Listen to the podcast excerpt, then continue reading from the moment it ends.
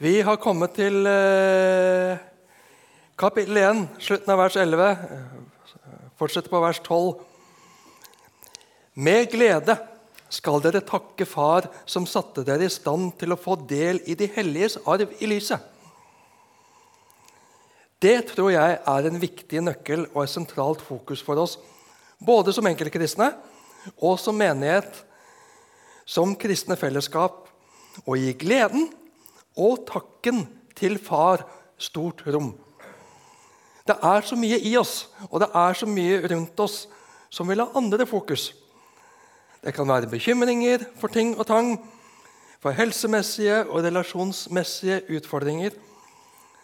Det kan være alt vi skal gjøre for Gud, og frustrasjon over synder som vi trodde vi hadde overvunnet, men så spretter opp igjen på en litt annen måte. Men styre fokuset bort ifra det, eller bort ifra dette som så lett tar overhånd i bevisstheten vår, og bevisst sette fokus på hva vi har i far. Hva han har gjort for oss, er for oss, gjør for oss, og takke ham aktivt for det. Det gir en helt annen holdning i oss, helt annen mentalitet og livsinnstilling i oss og for oss. Som det står i Nehemia gleden i Herren er deres styrke. Vi kan akke og uffe og bli nedtynget av synden som vi kjemper med. Vi blir skuffa over det sjøl, over at vi falt i den synden enda en gang. Men det er ikke der fokuset vårt skal være. Fokuset, blikket, oppmerksomheten vår skal være på Far, som ga sin egen sønn, ga seg selv i vårt sted, så vi kan få del i de helliges arv, i lyset. Synden i oss fører oss i mørket, men far har, far har av sin nåde og kjærlighet satt oss i lyset. Det er ufortjent, men det er helt fantastisk. Vi er satt i lyset, og la lyset fylle sinnet vårt. For han har fridd oss ut av mørkets makt og ført oss over i sin elskede sønns rike. I ham er vi kjøpt fri og har fått tilgivelse for syndene. Det har vært en åndelig krig om deg. Satan og hans mørke ånde her hadde hånd om deg da synden rådet i ditt liv. Men i Jesus er du ikke lenger bundet og kneblet i mørkets rike. Men du er ført over i, du er vunnet over i Sønnens rike. Jesu rike. Han som var elsket så høyt, kjøpte deg til seg. Kjøpte deg fri fra syndens skyld og syndens makt og Satans klo om deg da Jesus brakte tilgivelse for syndene. Vunnet fra mørket til lyset, kjøpt fri. Og så en utfordring til deg igjen, før vi leser neste avsnitt. Hvis du skal beskrive Gud med ett ord, bare ett ord, hvilket ord vil du velge? Ett minutts tenketid, og så skal vi se om det kan poppe opp noen ord rundt forbi i salen her. Jeg tipper det er mange som ønsker å bruke flere ord. Men nå får du bare lov til å bruke ett ord. Og når du skal velge ett ord for å beskrive Gud, hva kommer opp da? Allmektig? Kjærlighet? Far?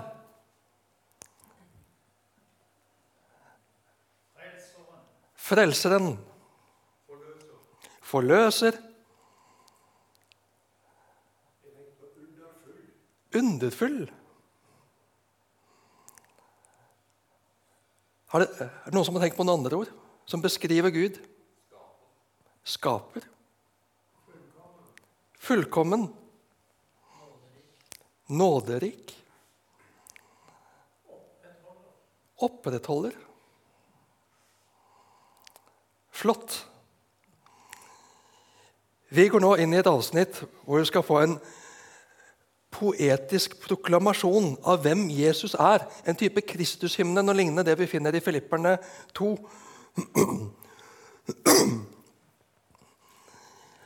Han er Og nå er det om, om Jesus. Nå skal jeg beskrive Gud. Jesus.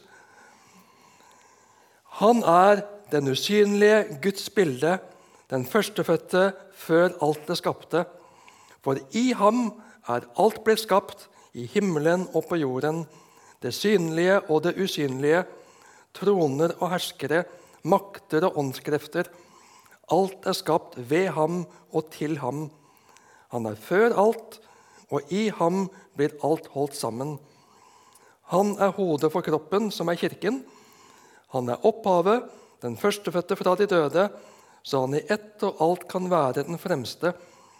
For i ham ville Gud la hele sin fylle ta bolig, og ved ham ville Gud forsone alt med seg selv. Det som er på jorden, og det som er i himmelen, da han skapte fred ved hans blod på korset.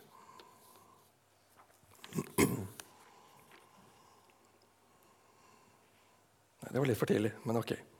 Han er den usynlige Guds bilde.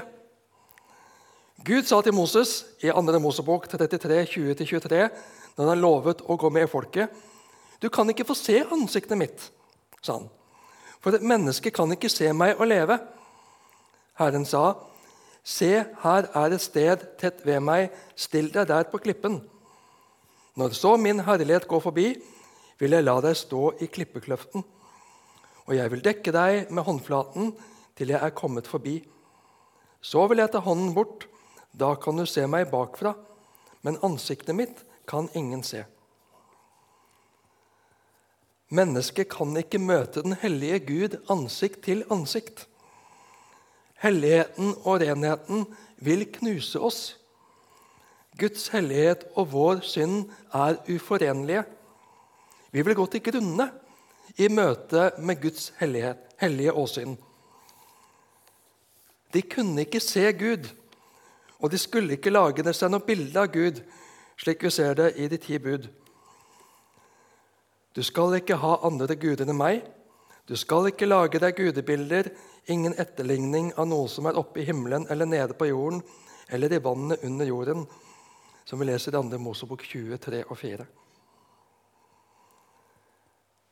Et bilde kan ikke romme Gud og vil dermed gi et begrenset, ja, falskt bilde av Gud.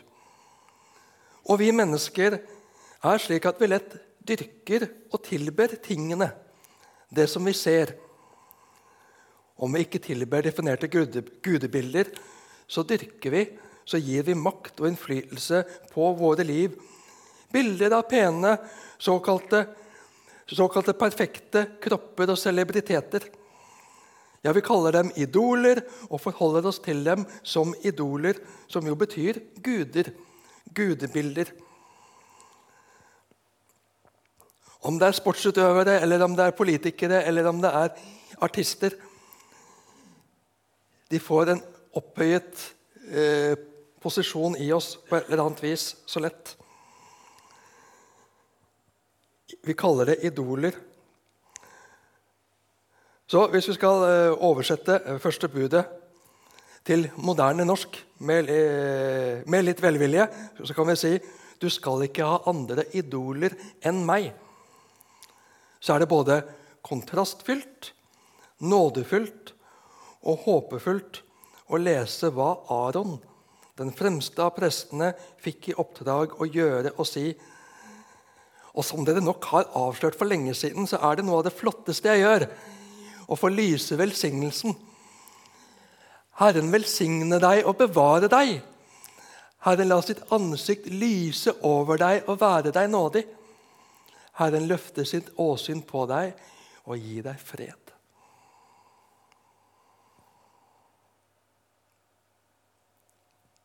Herren ser deg. Han retter sitt ansikt mot deg, sitt åsyn på deg. Ja, han lyser over deg. Du skal få leve i lysets rike, takket være nåden.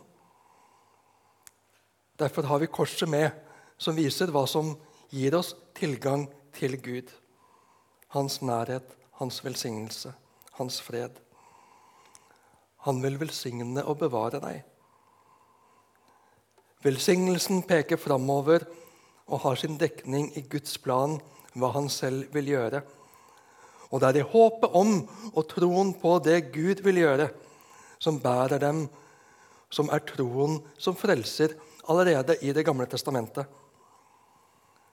Som vi leser i 1. Mosebok 15,6.: Abraham trodde Herren, og det ble regnet ham til rettferdighet. Abraham hadde ikke hele bildet. Han så ikke alt. Han skjønte ikke alt. Ikke Moses eller Aron heller, eller den vanlige israelitt. Men i tro og tillit til Gud var de frelst, i ly av det som skulle komme. Det som Gud helt og holdent selv skulle fikse i sin sønn Jesus Kristus, og som nå har kommet.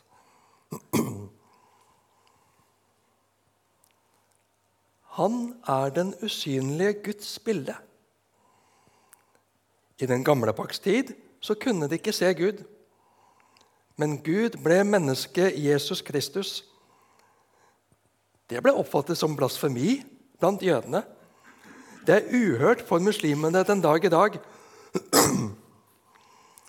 Det sprenger våre rammer, våre bilder, vår forståelse. Men egentlig så er jo ikke det så rart. Vi er skapninger, og han er skaperen. Jesus bærer ikke bare et bilde av Gud, slik alle mennesker har en gudlikhet i seg, men han er den usynlige Guds bilde. Ja, i ham ville Gud la hele sin fylde ta bolig. I den nye pakt så kan vi se Gud. Når vi ser Jesus, så ser vi Gud. Om de hadde hatt fotografiapparat på den tida, så kunne vi hatt foto av Gud. Så kan vi spørre oss hvordan er Gud?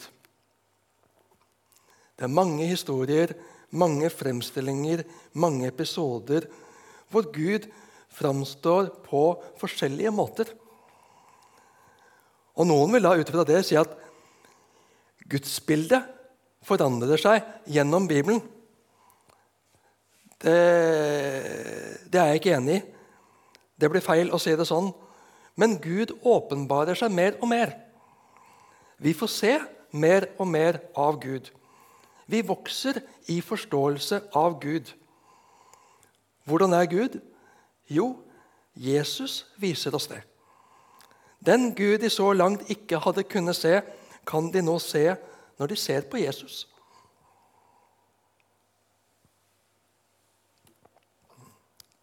Den førstefødte før alt det skapte. For i ham er alt blitt skapt, i himmelen og på jorden, det synlige og det usynlige, troner og herskere, makter og åndskrefter. Alt er skapt ved ham og til ham. Han er før alt, og i ham blir alt holdt sammen. Førstefødt det forteller om en forrang, enten i tid eller i rang. Jesus er jo ikke den første som er skapt her i tiden. Derimot er alt skapt ved ham. Og I den hebraiske kulturen så var det ikke nødvendig at den førstefødte var den eldste sønnen. Det ser vi på, Jakob, på Isak og neste generasjon Jakob. Ingen av dem var eldst. Ingen av dem var født først men de hadde førstefødselsretten. For de var den rettmessige arvingen i arverekkefølgen etter sine fedre. Å være førstefødt refererer derfor mer til rang og utvelgelse enn til fødselsrekkefølge. Jesus er sann Gud. Han er den som har skapt det hele, himmel og jord, det synlige og usynlige, både troner og herskere. De kunne nok iblant gjøre seg til Gud og kreve tilbedelse som Gud, men det var falskt. Men Jesus hadde skapt det hele også dem og sto over dem, ja, over makter og åndskrefter. Altså også over åndene, englene som gjorde opprør og skapte opprør på jorden gjennom Adam og Eva, og slapp synden og ondskapen inn i verden. Jesus er før alt, har skapt alt og opprettholder alt. Her tar Paulus oppgjør med tankegangen, såkalte visdommen, filosofien om du vil, som rørte seg i Kolossai og omegn, og som utfordret og villedet menigheten. Gnostisismen, som denne vranglæren etter hvert ble kalt, den lærte at ulike englevesener hadde skapt verden, og at Jesus bare var én av flere slike. Nei, sier Paulus, alt er skapt av ham og til ham. Han er opprinnelsen til det hele og herre over det hele. Og han kom selv for å berge, for å frelse skapningen som forvillet seg bort fra ham forvillet seg ut i elendighet og fortapelse. Derfor er Jesus Kristus også hodet over kirken, de kristne, den nye pakts folk. Han er hodet for kroppen, som er kirken. Han er opphavet, den førstefødte fra de døde, så han i ett og alt kan være den fremste. Paulus går fra å beskrive Jesus som opphav og herre over hele skaperverket til å snakke om Jesus som herre over kirken. Så kan, vi ikke, så kan vi jo spørre er ikke det en kraftig forenkling, avgrensning og nesten nedskalering. Nei, men det viser hvor viktig Kirken er, menigheten er, de troende kristne er. Vi er redskapet han vil gjenreise skaperverket gjennom, så å si. Kirken er Guds vei til gjenopprettelse av det gale. Vi er førstegrøten av den nyskapte, frigjorte, som er løst ut av mørket og mørkets grep. Så kan kristne ledere, som konger og herskere, fristes til å tilta seg for stor makt og gjøre seg og sin ledelse både for stor og dominerende og usunn. Det er Kristus som er hodet for kroppen. Hvert lem på ham, samme hvilken rolle og funksjon vi har fått. Om vi er munn eller hender eller lever eller bukspyttkjertel. Om vi er synlige eller usynlige i menighetsbildet, på menighetskroppen, så er vi ledet av hodet. Jesus Kristus. Og alle viktige og avgjørende for at kroppen skal leve sunt og godt. Han er opphavet, den førstefødte fra de døde, så han i ett og alt kan være den fremste. Han er den første som sto opp fra de døde, i rang, vel å merke. Han vekket opp Lasarus og Jairus' datter, og vi har enkens sønn som ble vekket opp fra de døde gjennom Guds profet Elia i 1. kongebok 17. Og vi skal en gang bli vekket opp fra de døde om ikke Jesus kommer igjen før vi dør. Som vi leser i 1. Korinterbrev 15, 20-23. Men nå er jo Kristus stått opp fra de døde, som førstegrøten av dem som er sovnet inn. Fordi døden kom ved ett menneske, er også de dødes oppstandelse kommet ved ett menneske. For slik alle dør på grunn av Adam, skal alle få liv ved Kristus. Men hver i sin tur. Kristus er førstegrøden. Deretter, ved hans gjenkomst, følger de som hører Kristus til. Men Jesus er opphavet. Jesus er hodet. Jesus er den fremste i ett og alt. Han er Herre. Han er Gud. For i ham ville Gud la hele sin fylde ta bolig. Og Når Paulus bruker det uttrykket 'fylde', så bruker han et uttrykk som hans motstandere brukte om en sfære mellom himmel og jord, der det fantes et hierarki av engler. Gnostikerne så Jesus som en av mange ånder som fantes i dette hierarkiet mellom Gud og menneskene. Men Paulus bruker i stedet ordet fylde om at Gud helt og fullt er blitt menneske i Jesus. Jesus er den eneste talsmannen for menneskene, og i ham er Guds vesen helt og fullt til stede. Det er ingen annen mellommann, verken en person eller en gruppe, som kan stå for Gud, vår Far, i vårt sted. Det er bare Jesus som kan det. Og ved ham ville Gud forsone alt med seg selv. Det som er på jorden, og det som er i himmelen, da han skapte fred ved hans blod på korset. Forsone, forlike, handler om en gjenopprettelse av en brutt relasjon. Ved synden har vi, verden, skapningen, brutt relasjonen med Gud. Vi lever ikke lenger i nærhet og harmoni med Gud slik vi ble skapt til i begynnelsen i Edens hage.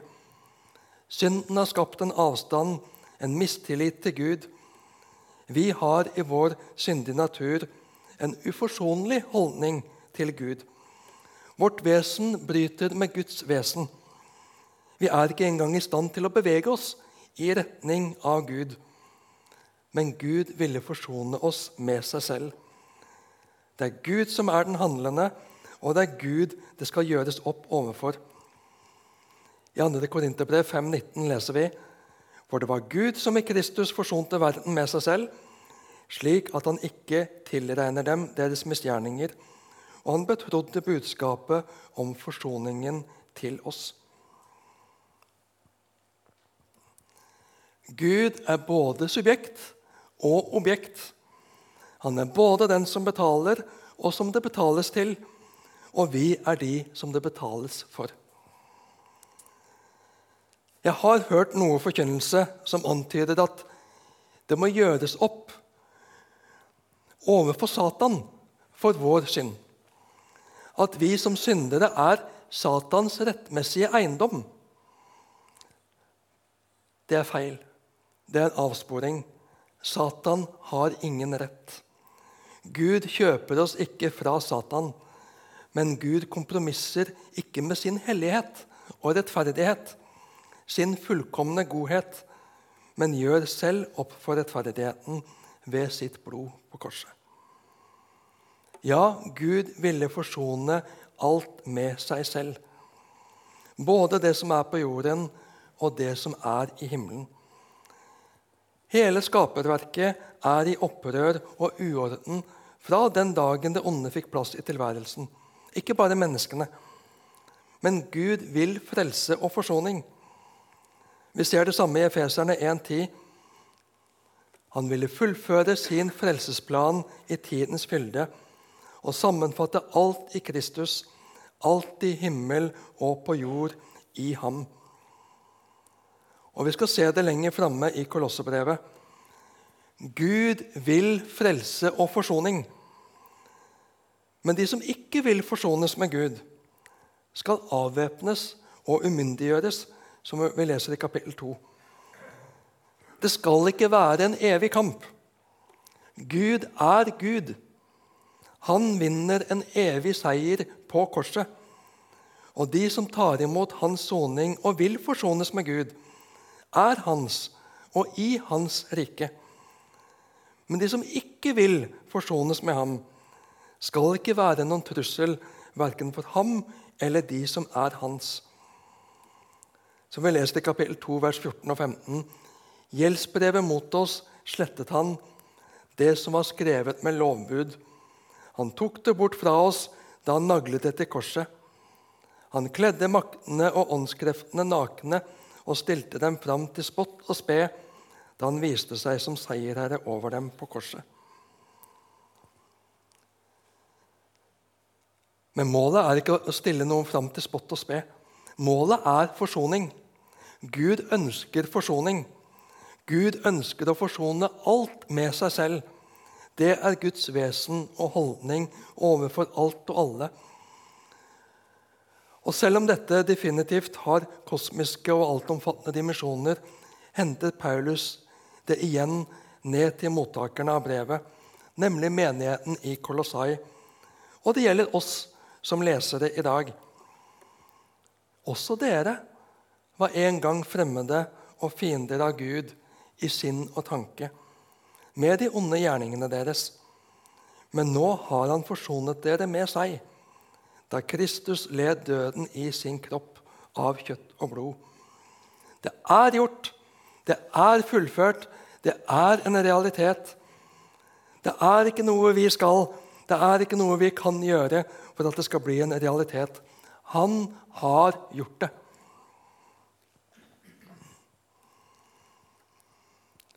Hellige, uten feil og uangripelige ville han føre dere fram for seg. Ikke det flott? Guds gode plan og vilje for deg. Som en far eller mor som har ryddet opp etter barnet sitt kaos og rot. Vaska det, bada det, kledd det opp. Så fin du er, barnet mitt! Ren og pent. Alt er i sin skjønneste orden. Perfekt. Ettåringen har en meget begrenset forståelse av det hele. Men han har det godt med sin far, med sin mor, som tar seg av ham.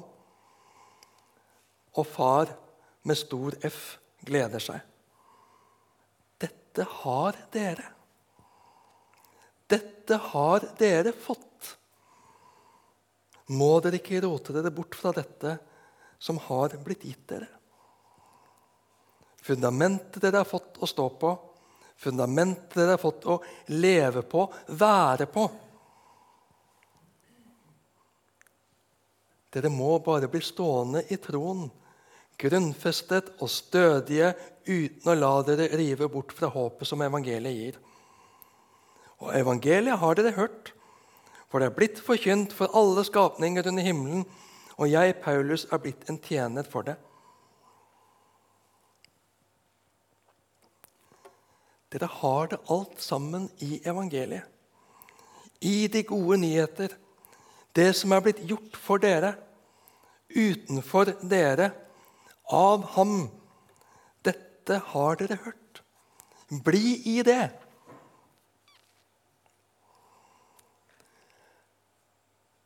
Orker dere litt til, eller skal vi gi oss for i dag? Skal vi ta de siste versene av kapittel 1?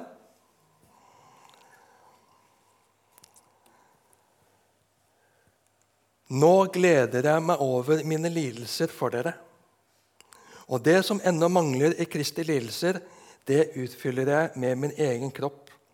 Jeg lider for Hans kropp, som er Kirken. Var ikke Jesu lidelser tilstrekkelig for vår frelse? Jo, Jesus selv sa jo det er fullbrakt. King James Version skriver, har det slik Fill up that which is behind of the afflictions of Christ. Det som gjenstår av Kristi lidelser. New Living Translation tolker og forklarer hva det betyr. For I am participating in the sufferings of Christ that continue for his body, the church. Akkurat som Kristus utfordret verden Akkurat som Kristus utfordret samfunnet med sitt vesen og væren. Både det utfordret samfunnet både det umoralske og det religiøse. De tålte ham ikke. Slik er det også for Jesu disipler til alle tider. Bekjennelsen til Jesus vil møte motstand og føre til lidelser. Vi ser forfølgelse diskriminering og lidelse for Kristi etterfølgere opp igjennom kirkehistorien og mange steder også i vår tid. Det er lidelser som følger med å følge Kristus. Derfor Kristi lidelser. Det er ikke noe ufullført hva gjelder frelsesverket, men så lenge vi lever i denne onde verden, vil ikke motstanden og derfor heller ikke lidelsene ta slutt. Paulus regner med det. Han flykter ikke fra det. Det er omkostninger som hører med å være i Kristi følge. Kristi lidelsesfølge. Til vi en dag står frelst og fri hjemme hos Far.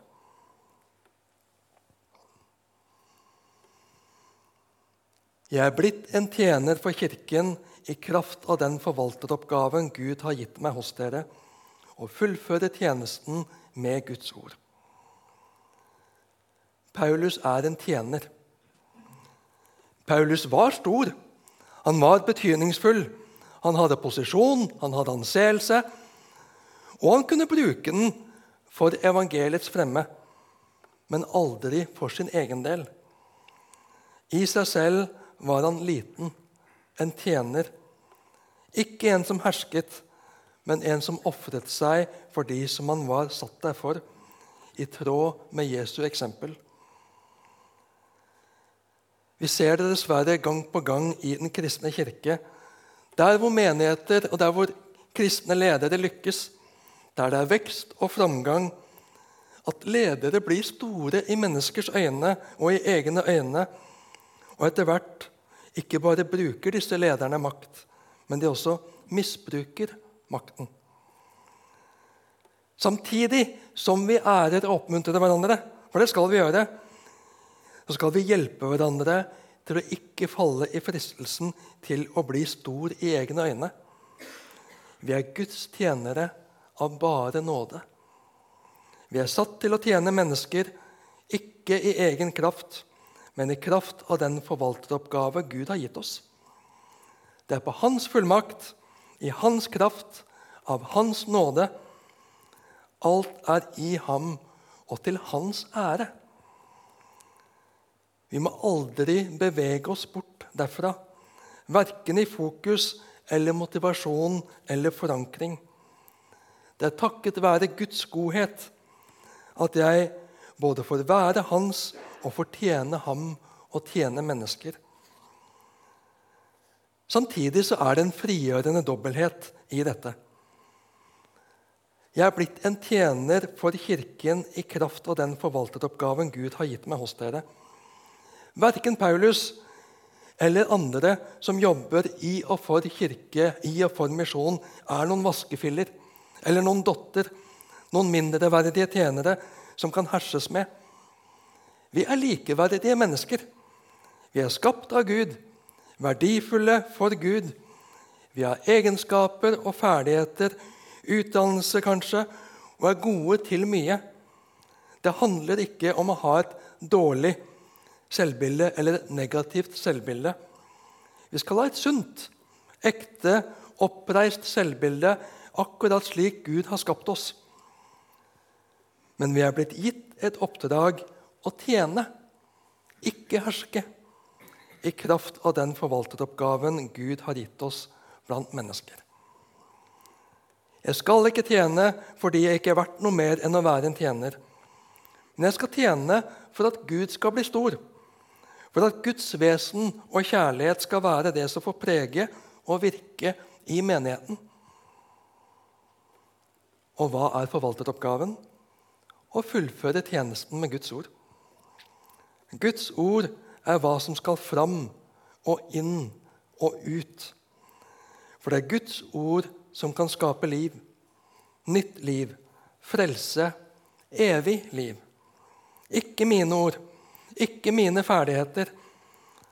Men mine ord og ferdigheter kan være redskaper i Guds hånd for å bringe Guds ord inn i menneskehjerter, om jeg er villig til å leve for å tjene ham.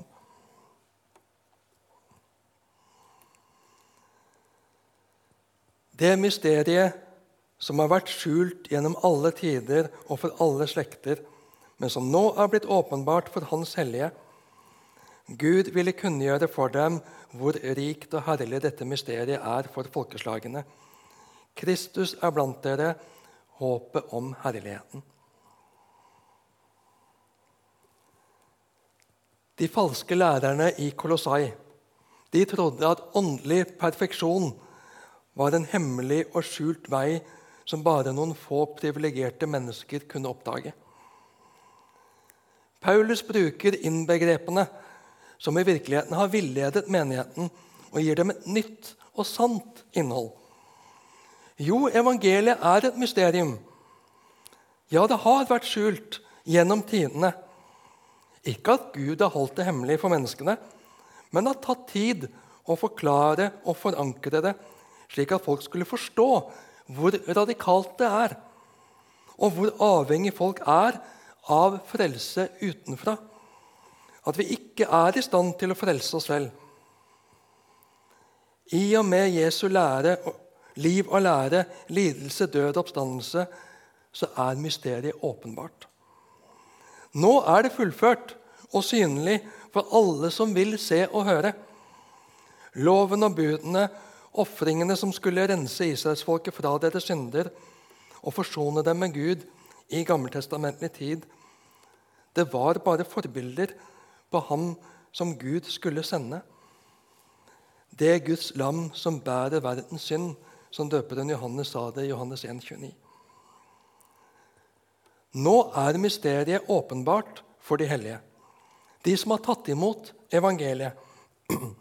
De som har sett og erkjent at de er syndere som trenger frelse, og har sett Jesus som denne frelseren som har gjort opp for dem, forsonet dem med Gud. Men fortsatt er det et mysterium for dem som ikke har kommet til tro. De har ikke sett og forstått det. De trenger å få det åpenbart. Det er ikke bare forbeholdt de få. Det er ikke bare forbeholdt jødene, slik det var i den gamle pakt, eller oss som kaller oss kristne i dag. Det er for alle. For alle folkeslagene, uavhengig av etnisitet. Kristus er blant dere, håpet om herligheten. Kristus, den salvede, Messias, frelseren, som skulle komme, er kommet. Han er blant dere ved Den hellige ånd. I ham har vi håpet, i ham har vi forventningen, forvissningen, tryggheten, forankringen om og i herligheten. Vi har gått over fra døden til livet. Vi er forsonet med Gud. Vi har del i herligheten, og vi går mot herligheten. Vi går mot en lys og god og trygg framtid. Vi er ikke i mørket. Vi famler ikke i blinde. Vi behøver ikke lenger å lete og streve. Kristus er blant dere, håpet om herligheten. Vi har det alt allerede i ham. Dere må ikke glemme det. Dere må ikke gi slipp på det i alt som vranglærerne og folket rundt dere vil vikle dere inn i.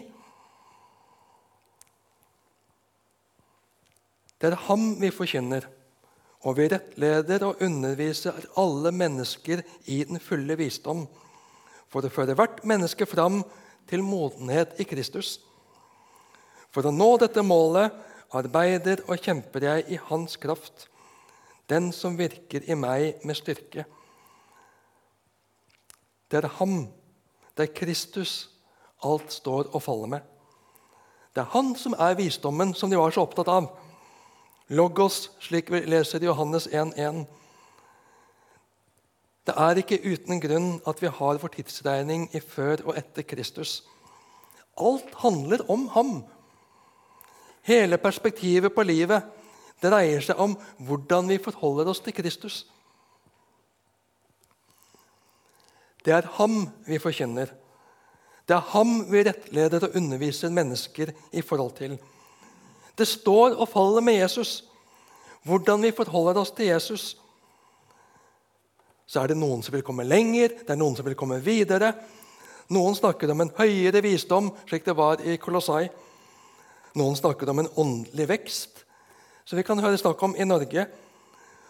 Men som gjør at en blir mer opptatt av åndelige erfaringer enn å være forankret i Kristus. Det fører fort til et selvsentrert og sensasjonspreget en selvsentrert og sensasjonspreget åndelighet som fører bort fra livet i Kristus. Er det opplevelsene jeg er ute etter? Eller er det relasjonen med Gud? Er det en type åndelig rus folk søker? En ekstase? Åndelig underholdning? Åndelig opplevelse? Eller relasjon med Gud? Nærhet til Gud? Det er i Jesus vi finner den fulle visdom. Vi må ikke springe videre fra ham. At Jesus er ett nivå, og at vi skal nå nye, høyere nivåer. Nei, da lar vi oss bedra av den onde. Enten er det av den ene fargen eller den andre. Og For å nå dette målet om herligheten må vi arbeide i Guds kraft, ikke i egen styrke. Vi skal bruke huet, vi skal bruke de evner og den kreativitet han har gitt oss. Men det må være drevet av og i Hans ånd for at det skal bære frukt for Gud. Det var kapittel 1 i Kolosserbrevet. Klokka er åtte på ni. Det ligger an at vi kan klare det. Det kommer an på hvor mye dere har på hjertet. Er det noen spørsmål og kommentarer, så har en mikrofon klar her. Er det noen som har noe de vil spørre om, kommentere, supplere, korrigere?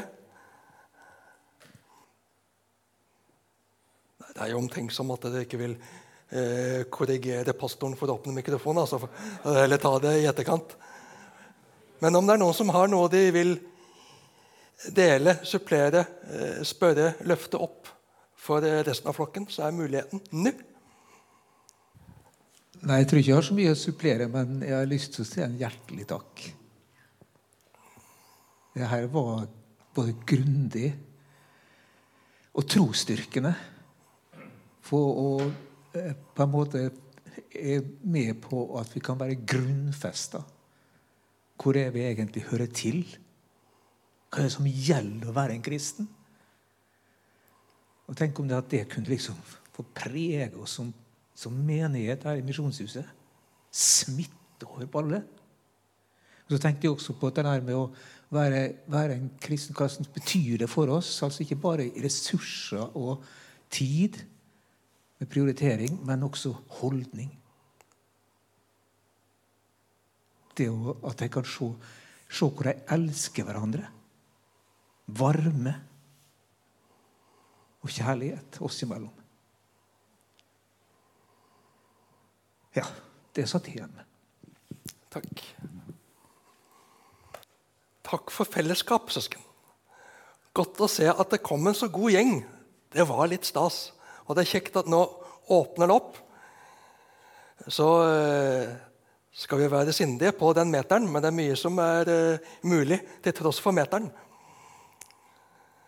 At, håper at hele menigheten får frimodighet og trygghet til å komme tilbake, så vi kan samles og kjenne på det velsigna bånd som binder Guds folk i sammen her. Takk for fellesskapet i kveld. Vel hjem. Gå i fred. Tjen Herren med glede.